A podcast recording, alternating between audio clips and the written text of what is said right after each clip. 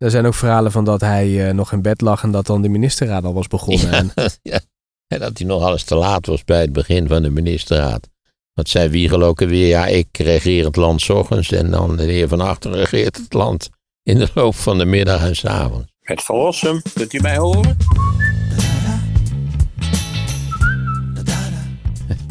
Die lag weer onder vuur deze week.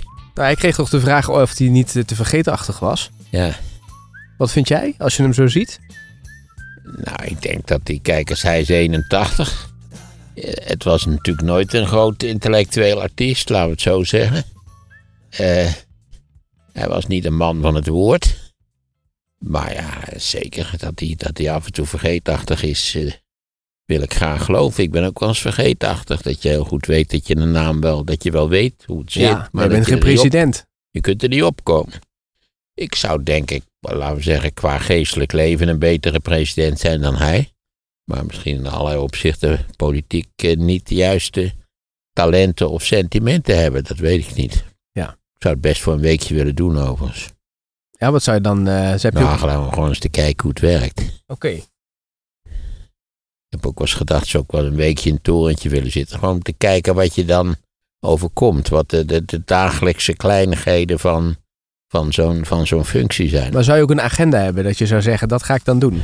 Ja, ik zou, een- als gesteld dat het van tevoren wordt aangekondigd.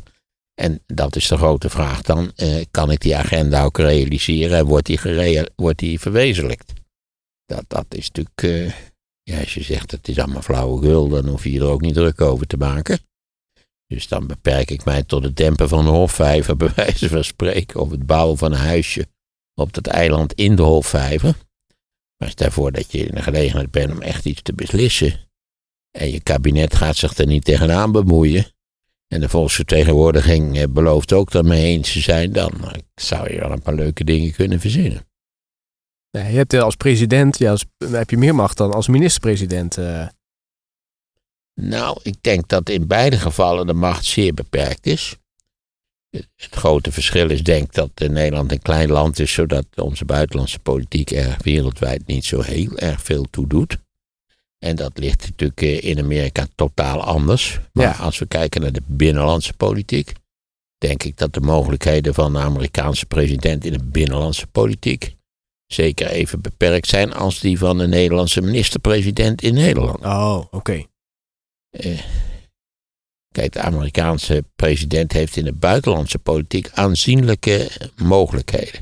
Niet onbeperkt, maar, maar hij kan daar wel, wel in alle opzichten de toon zetten. Terwijl natuurlijk in de binnenlandse politiek zit hij met een senaat en een huis van afgevaardigden. Die natuurlijk eh, met grote regelmaat in feite niet van zijn partij zijn. Nou ja, dat betekent dat je mogelijkheden zeer beperkt zijn. Hm. Even nog afgezien van het feit dat het 50 staten zijn die allemaal weer een heel eigen teneur hebben. Vaak natuurlijk vaak allemaal een eigen volksvertegenwoordiging hebben. Deels eh, afwijkende wetgeving. Dus ja, ja, god, Amerika is eh, ongelooflijk groot. Daar denken wij nooit aan. Wij denken toch altijd dat die staten zoiets zijn als Gelderland en Overijssel en Limburg. Maar dat slaat natuurlijk echt helemaal nergens op. Omdat heel veel staten vier, vijf, zes keer zo groot zijn als Nederland. Zullen we even dat, eh, die boodschap voor die mevrouw... Ja, maar voor die mevrouw. Ja, Ja. nu zie ik mezelf niet meer, maar we kunnen de. Nee, nu wel weer. Kijk. Voor de luisteraars, ik weet niet of die dan mee mogen luisteren bij deze boodschap, of dat dat specifiek bestemd is Nou, dat is voor. eigenlijk voor haar, hè? Dat is, het is voor haar. Dag Maria, wij kregen bericht dat je op 23 maart 100 zou worden. En dat is hoe dan ook toch een indrukwekkende prestatie om 100 te worden. En wel zodanig bij de tijd dat je ook nog begrijpt dat ik je toespreek. Terwijl ik in een autootje zit op een, eh, een hele vreemde plek. Eh, maar in de allereerste plaats wel gefeliciteerd. Eh, er worden tegenwoordig wel wat meer mensen 100 dan vroeger, maar toch, het wordt wel gezien als een prestatie eerste klas. Ik neem aan dat de burgemeester op bezoek komt en dat je een extra grote taart krijgt. En nou ja, al die dingen die ik ook wel leuk zou vinden in principe. En dan heb je natuurlijk een familie en dan heb je, denk op die leeftijd, ook achterkleinkinderen. Terwijl mijn klein, klein, kleinkinderen nog niet eens kinderen hebben. Nou, ik hoop ook moet dat nog wel even duren. Kortom, het is wel een ongekend jubeljaar om 100 te worden. Dus mijn welgemeende felicitaties. Ik wil niet zeggen dat ik jaloers ben, maar als ik in goede orde 100 zou kunnen worden, dan zou ik het niet afwijzen. Wel gefeliciteerd. Is even, het is niet de bedoeling dat iedereen nu dit soort uh, verzoeken gaat sturen, toch? Nee, Als je bijvoorbeeld uh, 60 wordt, dat uh, dan zeggen, hey, Maarten, spreek Ja, ook eens even iets leuks. in. 25 of 50. Dat is niet de bedoeling. Ja. Want mijn zoon wordt dus precies de helft komende 23 Oh ja. maart. Ja. Namelijk 50. Dat is ook bijzonder. Ja, dat is vooral bijzonder eigenlijk voor zijn ouders. Die daarmee zich realiseren natuurlijk dat ze ondertussen verrekte oud geworden zijn. Ja, ja, ja. ja. Omdat wij al relatief oud waren toen we kinderen Maar kregen. ja, wel nog in goede gezondheid, wat je zegt. Dus dat is hartstikke fijn. Ja, zeker. En eh, nog goed, eh, goed eh, je loopt beter dan Biden. Ik loop beter dan Barnum, maar het is niet indrukwekkend. Ik zou er geen prijzen bij gaan winnen, denk ik. Nee, nee, nee. Maar goed. Nee, nou ja, je ziet dan, het gekke is natuurlijk dat eh, Donald Trump niet zo heel veel eh, jonger is dan eh, Joe Biden. Maar dat die hele zaak over zijn beperkte mogelijkheden eigenlijk bij Trump niet speelt en bij Biden wel speelt. En dat ligt voornamelijk, denk ik, aan het feit dat je zo zichtbaar kunt zien, eh, eh, bij in filmpjes of wat dan ook, eh, hoe, nou ja, laten we zeggen, voorzichtig hij loopt. Hoezeer hij zich bewust is van de risico's van het lopen. Precies. Terwijl het natuurlijk karakteristiek voor mensen is, als ze nog op de juiste leeftijd zijn, dat ze zich helemaal niet realiseren dat ze lopen. Zie jonge mensen bijvoorbeeld een trap afkomen. Dat is voor mij al jaloersmakend. Hè? Zo rup, de trap af. En ik, moet, ik ga treetje voor treetje en ik hou me aan de leuning vast. Ik heb een enorme hekel aan trappen waar geen leuning aan zit. Dus ja, daar staat tegenover natuurlijk in het geval van Trump en Biden dat de verschillen zo gigantisch groot zijn, dat het mij echt geen reet kan schelen of Biden wat moeizamer loopt, of denkt dat de, Mexi de president van Mexico eigenlijk de basis is in Egypte, of wat het precies voor vergissing was. Nee, het alternatief is zo gruwelijk dat je natuurlijk eh, graag bereid bent om over de gebrekkigheid van Joe Biden heen te stappen. En als je dan inhoudelijk kijkt naar alles wat er speelt over die muur bijvoorbeeld, hè, waar eh, Biden en Trump eh, over het ruzieën zijn. Nou ja, het interessante was dat er een eh, voorstel lag. wat met veel moeite en na lange onderhandelingen tot stand was gekomen tussen de zittende president Joe Biden en de volksvertegenwoordiging. Eh, wat grotendeels bestond uit concessies van de democratische kant eh, voor de republikeinen. Het was namelijk grotendeels tenslotte een wetsontwerp naar de wens van de republikeinen. En dat hebben zij dus zelf weer getorpedeerd, omdat Trump er niet gelukkig mee was als Joe Biden een succesje zou hebben in de aanloop naar de verkiezingen van november. Precies. Wat getuigt van een extreem nihilisme, eh, waarvan je denkt, hoe is het mogelijk allemaal? Wat Biden zei van wij gaan ervoor zorgen dat we iedere keer eh, aan het publiek uitleggen wie hier verantwoordelijk voor is dat het niet doorgaat. Daar heeft hij natuurlijk groot gelijk in. Eh, Maar tegelijkertijd aan dat voorstel, want dat is ook zo'n rare zaak in, eh, in de Verenigde Staten, dat je aan allerlei wetgeving, die eventueel dringend noodzakelijk is, ook allerlei andere wetgeving op kunt hangen aan een soort van haakje, dat als je die eerste wetgeving dringend noodzakelijk acht, je eigenlijk ook mede die andere twee dingen moet aannemen. Een hoogst ongelukkig soort van procedure natuurlijk, waar- waarmee zwendel, politieke zwendel, eh, als het ware eh, gestimuleerd wordt. Eh, en, en hier was het natuurlijk hulp aan Israël en hulp aan de Oekraïne die daar aanhingen. En ja, nu probeert eh, de democratische leider van de Senaat daar nog iets aan te doen. Ik ben benieuwd hoe dat, eh, hoe dat af gaat lopen. Maar het is wel triest natuurlijk. Kijk, wat triest is, is een veel breder verschijnsel dat dat in, in wat uiteindelijk toch de belangrijkste democratie ter wereld is, om allerlei redenen die we nu niet hoeven op te noemen, namelijk de Verenigde Staten, dat het politieke systeem zo grondig ontspoord is, dat in feite een, een halve garen een goede kans maakt om de volgende president te zijn. Maar het is in Amerika een veel breder verschijnsel. Het is eigenlijk een, een in potentie succesvol land ook in het verleden zo geweest, met zijn gebreken overigens, wat eigenlijk in, ingrijpend structureel gehinderd wordt door een volkomen dysfunctioneel politiek systeem. En dat is weer het gevolg van het feit dat een van beide partijen besloten heeft om dat systeem zo dysfunctioneel mogelijk te maken, omdat zij denken dat dat in hun lange termijn voordeel is in politiek opzicht. En ja, dat is diep triest. Trump Want het is nog lang en breed niet afgelopen. Ik denk echt dat Trump moet echt dood. Die, die heeft natuurlijk nu een soort wonderbaarlijk soort van semi-heilige status bereikt bij de Republikeinen.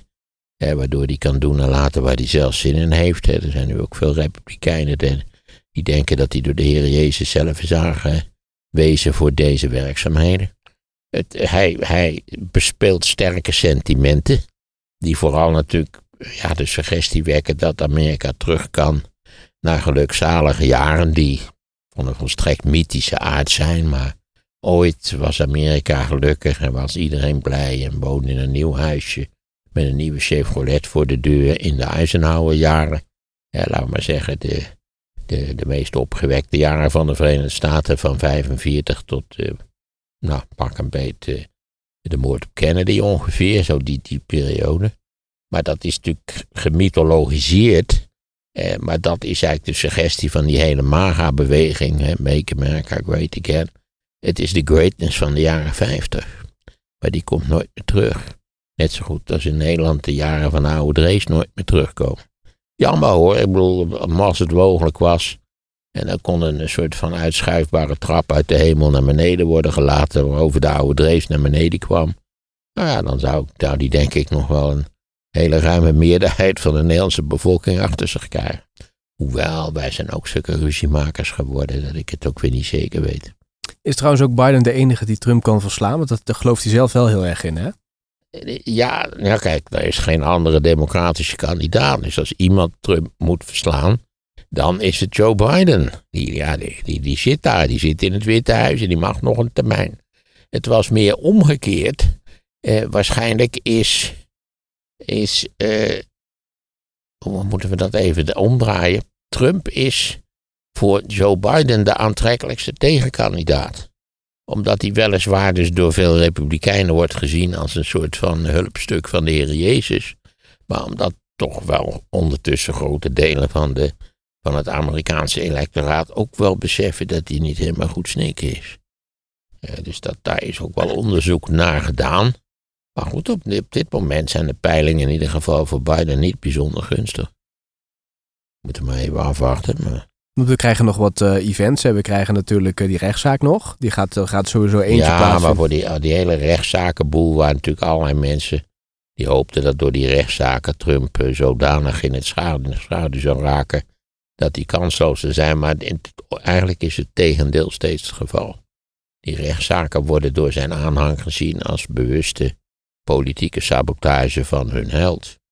Dus hij maakt zelf ook van die rechtszaken een beetje een aansprekende poppenkast. Hè? Van kijk wat ze doen om mij klein te krijgen. Hè? Hij doet dat ook heel leuk. Hè? Die zegt van ja, eigenlijk zijn ze tegen jullie. Jullie gewone Amerikanen. Hè? Maar dat doen ze via mij. En ik sta daar, ik sta pal voor wat Amerika zou moeten zijn. Ja, maar je merkt er ook, ook wel dat het sentiment van de mensen die zeggen... we moeten nooit meer die gek eh, aan het roer krijgen. Die, dat, Die- sentimenten zijn er zonder twijfel ook. Hoe dat tenslotte uitpakt, dat hangt van allerlei factoren af. Ten eerste is het eh, nu februari en de verkiezingen zijn begin november. Dat is natuurlijk in de politiek een eeuw, bij wijze van spreken. Dat is één kant. We weten niet precies wat de opkomstpercentages zullen zijn. Nee, en Trump We kan weten doodgaan. niet precies hoe het uitpakt in het electoraal college, wat in allerlei opzichten de doorslag zou kunnen geven. Kortom, de onzekerheden zijn ontelbaar. Hij eet, hij eet iedere dag hamburgers, hè? dus de kans dat hij doodgaat, Ja. Trump... Volgens een medische, er waren medici die geraadpleegd waren over de kans dat een van twee het loodje zou leggen in het komende jaar. Had puur statistisch gezien had Trump meer kans om dood te gaan dan eh, Joe Biden. Of dat, ja, dat is natuurlijk, eh, je weet, dat is natuurlijk ook een slag in de lucht allemaal. Hij heeft nu ook zijn eh, stokpaardje van de NAVO heeft hij weer benoemd. hè? Ja, ja, hij heeft weer fijn uitgepakt. Hè, dat Poetin mocht tegen alle NAVO-landen die te weinig hadden betaald, mocht Poetin doen wat hij wilde. Nou, dan zit hij op zichzelf wel fout. Of liever gezegd, strategisch is dat onhandig. Omdat degene die het meest besteden aan hun defensie zijn de drie Baltische Republieken en Polen. Dus ja, dat, dat, dan zal die dan daar eerst doorheen moeten. Nou, sowieso is dat een beetje overtrokken gedoe naar mijn idee. En Poetin heeft gezegd in dat interview met Tucker Carlson van uh, Polen gaan we helemaal niet aanvallen. Helemaal geen reden toe. Ik zou op, in geen enkel opzicht iets wat Poetin ooit beweerd heeft voor in de publieke media in de breedste zin van het woord zou ik ook serieus willen nemen. Heb je het gezien, het interviewtje? Nee, ik heb het niet gezien. Ik ga niet zitten, zitten kijken naar een interview van Tucker Carlson of all people met de president van Rusland waarvan hij een groot bewonderaar is en wetende dat hij een vervent tegenstander is van de Oekraïne. Dat, heeft, dat is totaal zinloos. Maar het was wel de enige westerse journalist die de president een keer te spreken krijgt. Ja, natuurlijk. En vraag je eens af waarom. Omdat hij van tevoren wist dat hij totaal onkritisch zou zijn. Dus dat heeft met journalistieke feiten niets te maken. Het heeft met waarheidsvinding niets te maken. Het is namelijk gewoon propaganda. In dit geval eh, met z'n tweetjes bedreven, omdat ze precies weten wat ze aan elkaar hebben natuurlijk. Bovendien begreep ik dat Poetin permanent aan het woord was geweest met dat hele verhaal van hem. Dat de Oekraïne eigenlijk bij Rusland hoort. Nou, dat begon, was de eerste vraag die hij stelde. En daar bereidde Tucker Carlson de kijkers ook op voor. Hij zei van ja, ik stelde de eerste vraag. Toen was Poetin een half uur aan het woord met een soort van college ja, over. Precies, dat, dat het verhaal heeft hij wel vaker gehouden. Waarom Oekraïne eigenlijk geen land is, maar bij, bij de Sovjet-Unie hoort van oorsprong. Ja. Maar er wordt ook wel gezegd, het is strategisch van Poetin dat hij dit nu doet, nu doet want hij probeert ook in, in de Republikeinse Partij hiermee, probeert hij Ongetwijfeld, en aangezien de Republikeinse Partij ook gevuld is met gekken, eh, die per slotverrekening Tucker Carlson eh, lang op hoge prijs hebben gesteld, moeten we ons op dit punt nergens over verbazen. Maar ik zou het ook volstrekt niet ook serieus nemen. Heb je de uh, stukken in de New York Times over het interview wel gelezen? Ja, die heb ik wel gelezen. En daar staat zo'n beetje in wat ik nu heel kort heb samengevat. Dat je dat inhoudelijk niet zo serieus moet nemen. Als er het tal van mensen zeggen, zie je wel, hij, hij, hij is een hele nette man met hele fatsoenlijke ideeën. Dat hij nou toevallig denkt dat de Oekraïne bij de Sovjet-Unie hoort, waar de Oekraïne ook in de tijd langdurig bij gehoord heeft, daar niet van. Ja. Uh, alleen, ja, ondertussen zijn de, zijn de vlaggetjes verzet en de piketpaaltjes op andere plekken in de grond geslagen. Poetin zei ook van, ja, jullie Amerikanen, kijk eens even naar je staatsschuld. Jullie hebben zoveel interne problemen en dan ga je in Oekraïne vechten. Stop daar gewoon mee. Ja, dat is ook van een ingrijpende stomzinnigheid. Als er één land ter wereld is wat zich een min of meer onbeperkte staatsschuld kan permitteren, dan zijn het de Amerikanen wel. Wij iets minder, maar ook, ook bij ons moet je niet, eh, die staatsschuld, dat moet niet al te hoog opgespeeld worden. Maar welke rol speelt het dan wel? Nou, geen. Oké. De staatsschuld dus speelt alleen dus. een, een, rol in die landen waar ze moeite hebben om die staatsschuld uh, klein te houden en, en in principe op termijn af te betalen, wat ze sowieso niet gaan doen. Ik heb toch al eens eerder de staatsschuld van België als voorbeeld gegeven. In dat de Belgen, dat we hebben een staatsschuld van onder de 60% van, van bruto product. De Belgen van ruim een, een, een, een jaar lang bruto product, dus een, uh, heb je ook de indruk dat dat uh, de Belgen hindert? Of dat uh, daardoor de Belgische economie niet draait of zo? Nee, helemaal niet natuurlijk. Dus wij zouden er, ja, moet je natuurlijk eigenlijk nu niet zeggen. Omdat er nu natuurlijk in rondzweeft in Nederland. Ja, moet, bij een volgende regering moet het heel, heel rustig aandoen. Op het budgetair gebied. Wat mij betreft prima. Want dat betekent dat de populisten wat minder in de budgettaire ruimte kunnen graven. Maar we moeten dat ook niet al te zwaar opnemen. Dat neemt niet weg dat natuurlijk de lange termijn vooruitzichten, en dat heeft een demografisch karakter, eh, op zichzelf wel wat moeilijker zijn dan ze nu zijn. En dat ligt aan de vergrijzing. En het feit dat er geen mensen zijn om tegen voor al die oudjes te zorgen en zo. En dat de verzorging van die oudjes natuurlijk geld gaat kosten. Mm. Tot ze allemaal dood zijn. Nou, het duurt wel even voordat de babyboomers dood zijn natuurlijk. Zeker als ze allemaal honderd gaan worden. Ja, zoals Maria. Dan, ja, dan, ligt het anders. Maar nog eventjes naar, eh, naar Poetin, want uh, hij begon ook weer over die NAVO. Hij zei als die NAVO niet uitgebreid was, dan hadden wij nooit... Uh, ja, dat zullen we nooit weten, wat daarvan klopt. Ik moet zeggen dat ik zelf een tegenstander was in de tijd van de uitbreiding van de NATO.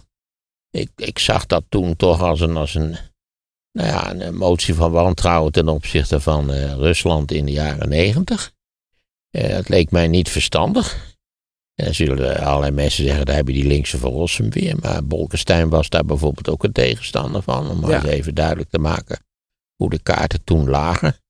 En, maar achteraf denk ik, wat voor garanties hebben we ooit gehad dat, dat Rusland ook daadwerkelijk een, een structureel stevige democratie zou opbouwen en toch niet weer zou vervallen in de oude fouten. Dus ik moet zeggen, eh, je moet ook rekenen dat het toen niet zozeer ging om wat Nederland vond van de uitbreiding van de NATO, maar wat natuurlijk de, de randrepublieken die tegen de Sovjet-Unie of toen Rusland aanlagen, wat die ervan dachten. En die wouden natuurlijk dol en dolgraag lid van de NATO worden om voor de hand liggende redenen. Ja, als je natuurlijk decennia lang eh, door de Russen bent onderdrukt op een afschuwelijke manier, want ze konden er een potje van onderdrukken. Ja, dan moet je natuurlijk wel uh, besef hebben hoe fijn het is om, dat je lid van de NATO kunt worden. Mm. Dat geldt voor de Baltische Republiek en dat geldt natuurlijk ook in het bijzonder voor Polen. Dus ja, dat, dat, dat moet je ook incalculeren. Dat zij eh, heel graag wat meer zekerheid op de lange termijn wilden hebben. En de Polen geven fors geld uit aan hun de, defensieopbouw. En dan is natuurlijk Polen veel kleiner dan Rusland, maar het, zou, het is een, als ze het goed organiseren en ze blijven dit besteden, dan is het een militaire macht van betekenis. Ja, nou ja, goed, en al die bangmakerij draagt ook bij aan dat we allemaal meer gaan uitgeven. Hè? We hebben allemaal die hoge ja, militairen. maar Polen was daar al sowieso al enige tijd mee bezig. Omdat zij natuurlijk heel anders tegen dit probleem aankijken ja, dat dan snap wij. Ik. Maar wij gaan ook steeds meer uitgeven. Ja, nou wij naderen nu, dacht ik, de 2% van bruto product. Alleen, ik denk dat we niet precies weten waar we het allemaal zo vlug aan uit moeten geven. Nou, misschien uh, het verbeteren van ook uh, de ICT, want die Chinezen die hebben uh, ons ja, gehackt. Die Chinezen. Die waren binnen bij die Defensie. Chinese spyware was. nou heb je ook kennelijk wel een ontzettend pruts systeem dat het voor de Chinese spyware blijkbaar mogelijk is om, om binnen te komen. Binnen zonder kloppen. ik vond dat wel een beetje een raar verhaal. Nou ja, dat, het schijnt heel goed beveiligd te zijn, maar die Chinezen. Ik geloof er niks van nou, iets slechter in het algemeen waar dan ook maar slecht beveiligd blijkt te zijn, dan is het, zijn het wel computersystemen. En dan met name van de overheid ook nog eens een keer. Ja, maar de overheid die brengt, brengt daar nooit iets van terecht op het punt van de computersystemen. Maar goed, ik zeg dat nou vooral omdat mijn eigen computersysteem. Eh, moet ik natuurlijk niet aan de grote klok hangen, maar de kans dat ik crash last krijg met Chinese spyware is niet zo groot. Maar ik denk dat dat ook voor praktisch alle particuliere computergebruikers geldt dat ze helemaal niet goed beveiligd zijn tegen, tegen lui die, echt, die er echt verstand van hebben en binnen willen komen. Ik las nog wat analyses van mensen die zeiden van ook uh, voordat, ze, uh, voordat Rusland Oekraïne binnenviel, waren er ook uh, aanvallen. De Chinezen die kijken nu ook bij bondgenoten in huis om informatie in te winnen die ze straks kunnen gebruiken bij Zonder de, enige twijfel, maar Taiwan. vergeet niet ook bondgenoten kijken bij bondgenoten. Ja, dat is waar. Daar hebben we het al eerder over gehad. Ja. Maar er wordt dus nu gewaarschuwd. Dus met de Engelsen en Amerikanen zijn notoren kijkers in alle mogelijke systemen waar ze in kunnen komen. Precies, precies. Maar de Chinezen zouden een aanval op Taiwan voorbereiden. En ze zouden dus meekijken bij ons, maar ook bij de Amerikanen. Van hey, hoe kunnen we de strategische posities in uh, de gebieden rondom Taiwan platleggen? Ja, het kan zijn dat ze iets voorbereiden, maar ik geloof daar ook niet veel van. Nou is dat natuurlijk de vraag hoe dat dan tegen die tijd zou worden uitgevoerd. Maar een soort van massale D-Day op de kusten van Formosa, die daar overigens volledig ongeschikt voor zijn. Ik zie het niet 1, 2, 3 gebeuren. Je zou kunnen denken aan een soort, uh, hoe heet het, uh, blokkade regelingen, zoiets. Dat, dat zou tot de mogelijkheden behoren. Maar waarom in godsnaam China de kip met de gouden eieren zou slachten, terwijl het ze bovendien momenteel economisch ontzettend moeilijk gaat, ik zie het niet 1, 2, 3 gebeuren. Laat Xi Jinping eerst maar zorgen dat hij overleeft als dit nog ernstiger wordt dan het nu is. En dan hebben we ook Dries van Achten die overleden is. Ach, Dries, ja. De beste man. Maar nog allerlei wonderlijke anekdotes over hem. Ja, nou ja, wie herinnert zich, herinnert zich niet Dries van Acht. Die natuurlijk zich elegant uitdrukte. Eh, ik moet eerlijk bekennen dat toen hij eh, eh enige politieke macht had, dat ik het een afschuwelijke man vond. Dat ik hem vervolgens wel eens heel oppervlakkig eh, ontmoet heb. En dat ik het een buitengewoon vriendelijk en aardige man vond. Eh, bewonderenswaardig vanwege zijn taalgebruik. En lopende zinnen, dat is natuurlijk bij politici al heel uitzonderlijk in allerlei opzichten.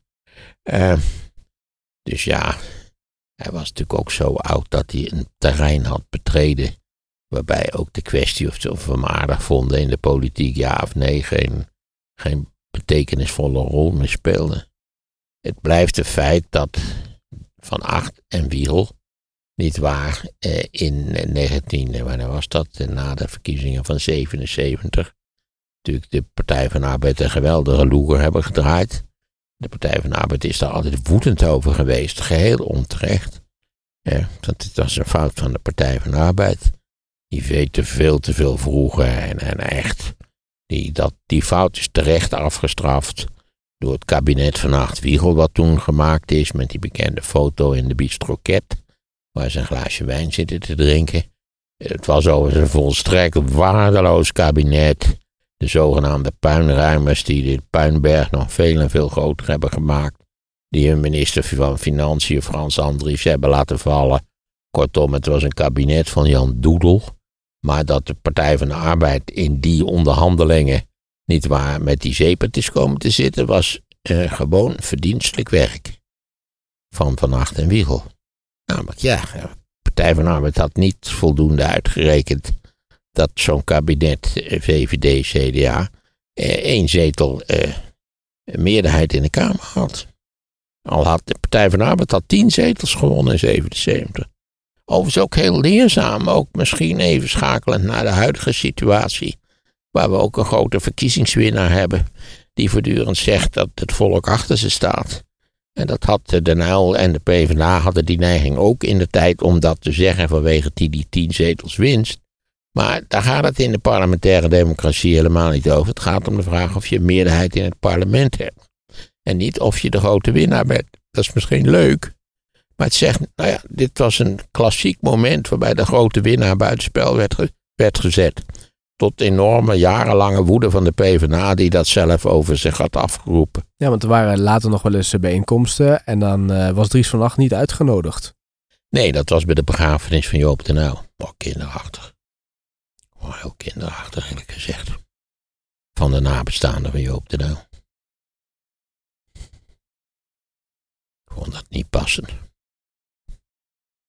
Nee, maar dat geeft dus wel aan van hoe kinderachtig er soms wordt omgegaan met dit ah, soort... Zeker, ja. Nee, zeker. En jij zei Dries van Acht heb ik een keer ontmoet. Heel oppervlakkig. Wat voor bijeenkomst was dat waar je hem ontmoet Geen hebt? idee, iets in Limburg. Dus ja, ik ben al lang weer vergeten wat het was. Dus ik had een tijdje met hem zitten praten. Ik weet ook niet meer waarover, maar... Ik vond een hele aardige, vriendelijke oude baas, vond ik het. Ja. Vergeleken met mij was hij natuurlijk weer 13 jaar ouder. Dat scheelde wel. En eh, er wordt ook wel eens gezegd dat hij een afstand tot de politiek altijd voor zichzelf zag. Dus hij voelde zich niet echt onderdeel van Den Haag. Ja, dat uh, heb ik het niet. Dat is zo'n klassieke. Kijk, eh, het wonderlijke is dat als je mensen vraagt: vindt u, bent u voor de democratie? Ze zijn altijd enorm voor democratie. Allemaal zo democratisch tot in de vezels van een grote teen. en dan vraag je maar: wat vindt u van de politiek? De politiek is verschrikkelijk. Daar zouden ze een eind aan moeten maken. Maar de essentie van democratie is dat er politiek is. En dat dat vaak een beetje met frictie gepaard gaat en met tegenstellingen. En dat het moeilijk is om tegenstellingen te overbruggen vaak. En nou, allerlei redenen, allerlei sentimenten spelen daar een rol. En eh, dus politici die zeggen dat ze tegen de politiek zijn, kom op. Van Acht vond het ook best leuk, kom op. Hij, hij is eerst eh, jarenlang minister van Justitie geweest. En vervolgens leider van het CDA geworden. Als je echt een hekel hebt aan politiek, dan ga je geen leider van het CDA worden. Hij is meer. Hij heeft drie kabinetten in totaal gedaan van acht Wiegel en toen nog eens een keer van acht en Uil. En toen, toen, ja, toen is er nog een soort van, van restkabinetje geweest om de verkiezingen voor te bereiden in de tijd. Dus nee, daar gaat er bij mij niet in. Hij vond het best leuk. Maar het is een handig standpunt om net te doen alsof je een antipoliticus bent dat, dat vindt iedereen sympathiek, een antipoliticus. Ja. En dan nog gezeik over dat fietsen.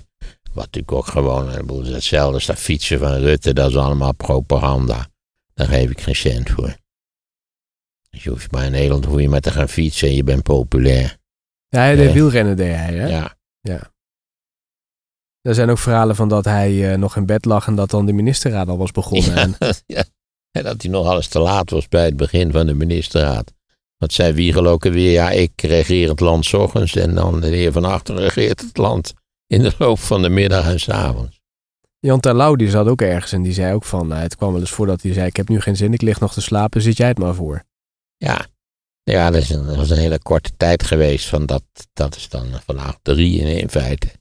Ja, maar ik begreep dat ook de Lauw en Van Acht eh, na de hand eh, heel goed met elkaar op konden schieten. En ik kan me daar wel iets bij voorstellen. Ja, hij zat eh, bij Op 1, eh, zat hij te vertellen, Jan Terlouw, over eh, dat hij hem... Ook al over de negentig, hè? ja, ja, ja. Wat vind je ervan dat hij, ja, ze noemen dat dan een soort van duo- duo-euthanasie heeft gepleegd, samen met zijn echtgenote? Nou bij de dat 93. staat ze vrij en is een mooi gebaar, toch?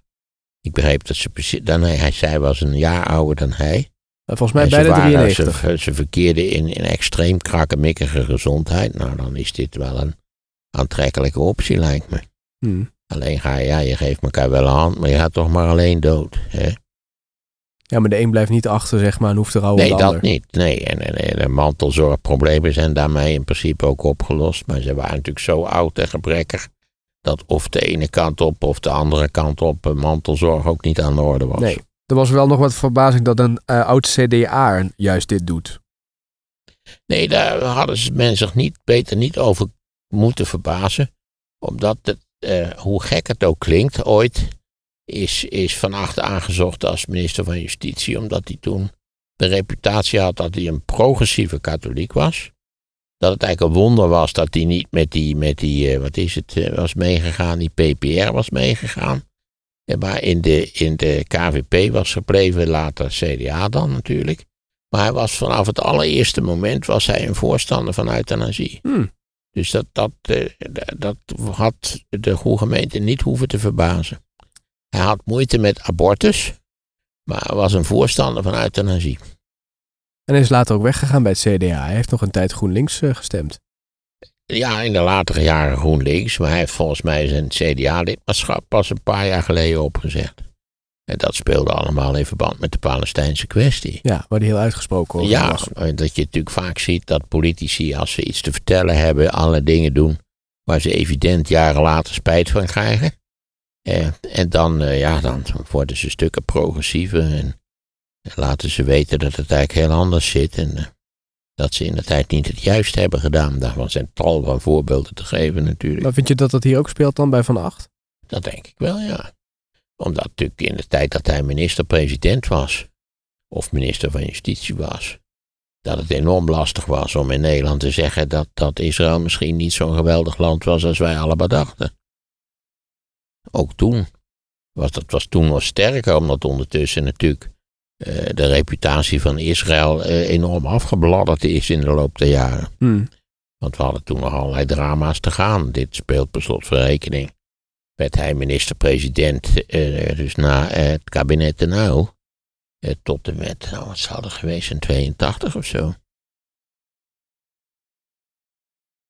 En dat was zeker toen nog dan om veel kritiek op Israël te hebben. Maar waar kwam dat Je bij? ziet trouwens hoe moeilijk dat nog steeds ligt. Ja. Eh, dat met name de politieke elite daar eigenlijk niets voor voelt. Eh, zodat de ambtenaren van buitenlandse zaken in staking moesten. Nou, staking, maar ieder geval gedemonstreerd hebben. Dat is op zichzelf wel een hele wonderlijke toestand. Maar waar kwam dat bij Van Acht dan vandaan, die eh, eh, sentimenten over Palestina? Nou, ik denk dat hij er eens iets over gelezen heeft. En nou ja, dan vallen je de schellen wel van de, van de ogen natuurlijk. En dan besef je natuurlijk ook dat, dat eigenlijk vanaf de oorlog, de Zesdaagse Oorlog, eh, toen, toen zij natuurlijk eh, allerlei strategische punten veroverd hebben. En natuurlijk die kwestie van de twee-staten-oplossing eh, telkens aan de orde was. Dat Israël dat impliciet of expliciet in feite altijd gesaboteerd heeft. Ik weet zelfs niet, gesteld dat Rabin niet vermoord was, of het, of het dan gerealiseerd zou zijn. Dat, dat durf ik trouwens niet Nee. te zeggen. Dat is allemaal iffy history natuurlijk. Ja. Maar, maar in feite, mijn indruk was altijd, maar goed, dat eh, kan ik, eh, ik zou er me nog verder in moeten verdiepen, maar mijn indruk was altijd dat, dat in Israël, eh, zeg maar diep in de ziel van de staat Israël, het idee leefde na de Zesdaagse Oorlog wat we veroverd hebben, zullen we nooit meer prijsgeven. Hmm. Dat denk ik. Maar goed, ik zou, het, uh, zou er meer over moeten lezen om dat met zekerheid te kunnen zeggen. Ja, en de trieste actualiteit van nu is weer dat ze in het zuiden weer een grondoffensief Verschrikkelijk, wat een vertoning zeg. Maar goed, je ziet dat Netanyahu zich geen bal aantrekt van wat de internationale opinie op dit punt is. Hij, nu is Biden ook vrij, vrij expliciet uitgepakt dat, dat de Amerikanen er natuurlijk ook schoon genoeg van hebben. Er ligt een sanctielijst klaar, hè, die ja, ze eventueel ja, Israël willen opleggen. Ja. maar goed, wij hebben ook, de EU heeft allerlei sancties tegen Israël getroffen. En ik begrijp uit krantenstukken dat de effectiviteit ervan gelijk aan nul was. Dat via via dat nooit geëffectueerd is. We hebben ook gezien bij Rusland natuurlijk dat zo'n gigantisch uh, zwaar sanctiepakket dat dat maar heel beperkte mogelijkheden heeft. Ja, en Israël laat dan foto's zien die moeten bewijzen dat Hamas daar uh, met uh, allemaal kantoren ook onder de grond zit. Dus dat ze wel moeten nou ja, aanvallen. dat zal ongetwijfeld het geval zijn. Maar intussen staat, uh, staan de tentenkampen van de vluchtelingen tot aan de grens met ja, Egypte. Ja, ja, dat is nu alweer kwestie van of het niet naar Egypte verhuisd moest worden. Ja, of dat ze weer naar het noorden terugkonden. Ja, maar goed, als ze naar Egypte verhuizen, weet je zeker dat ze nooit meer terugkomen. Nee, nee, nee, nee. Ja, naar het noorden is alles kapot. Dus dan, dan stuur je mensen deur. Nou ja, de hele Gazastrook is kapot. Ja. Er was een man die zegt, we moeten twee uur in de rij staan om naar de wc te kunnen. We moeten twee uur in de rij staan om water te halen. Twee uur om een broodje te krijgen. Het is de hel, zegt hij. Ja, dat is het. Het was dan niet geweldig in de Gazastrook, maar het is nog enkele factoren sterker en akeliger geworden dan het was.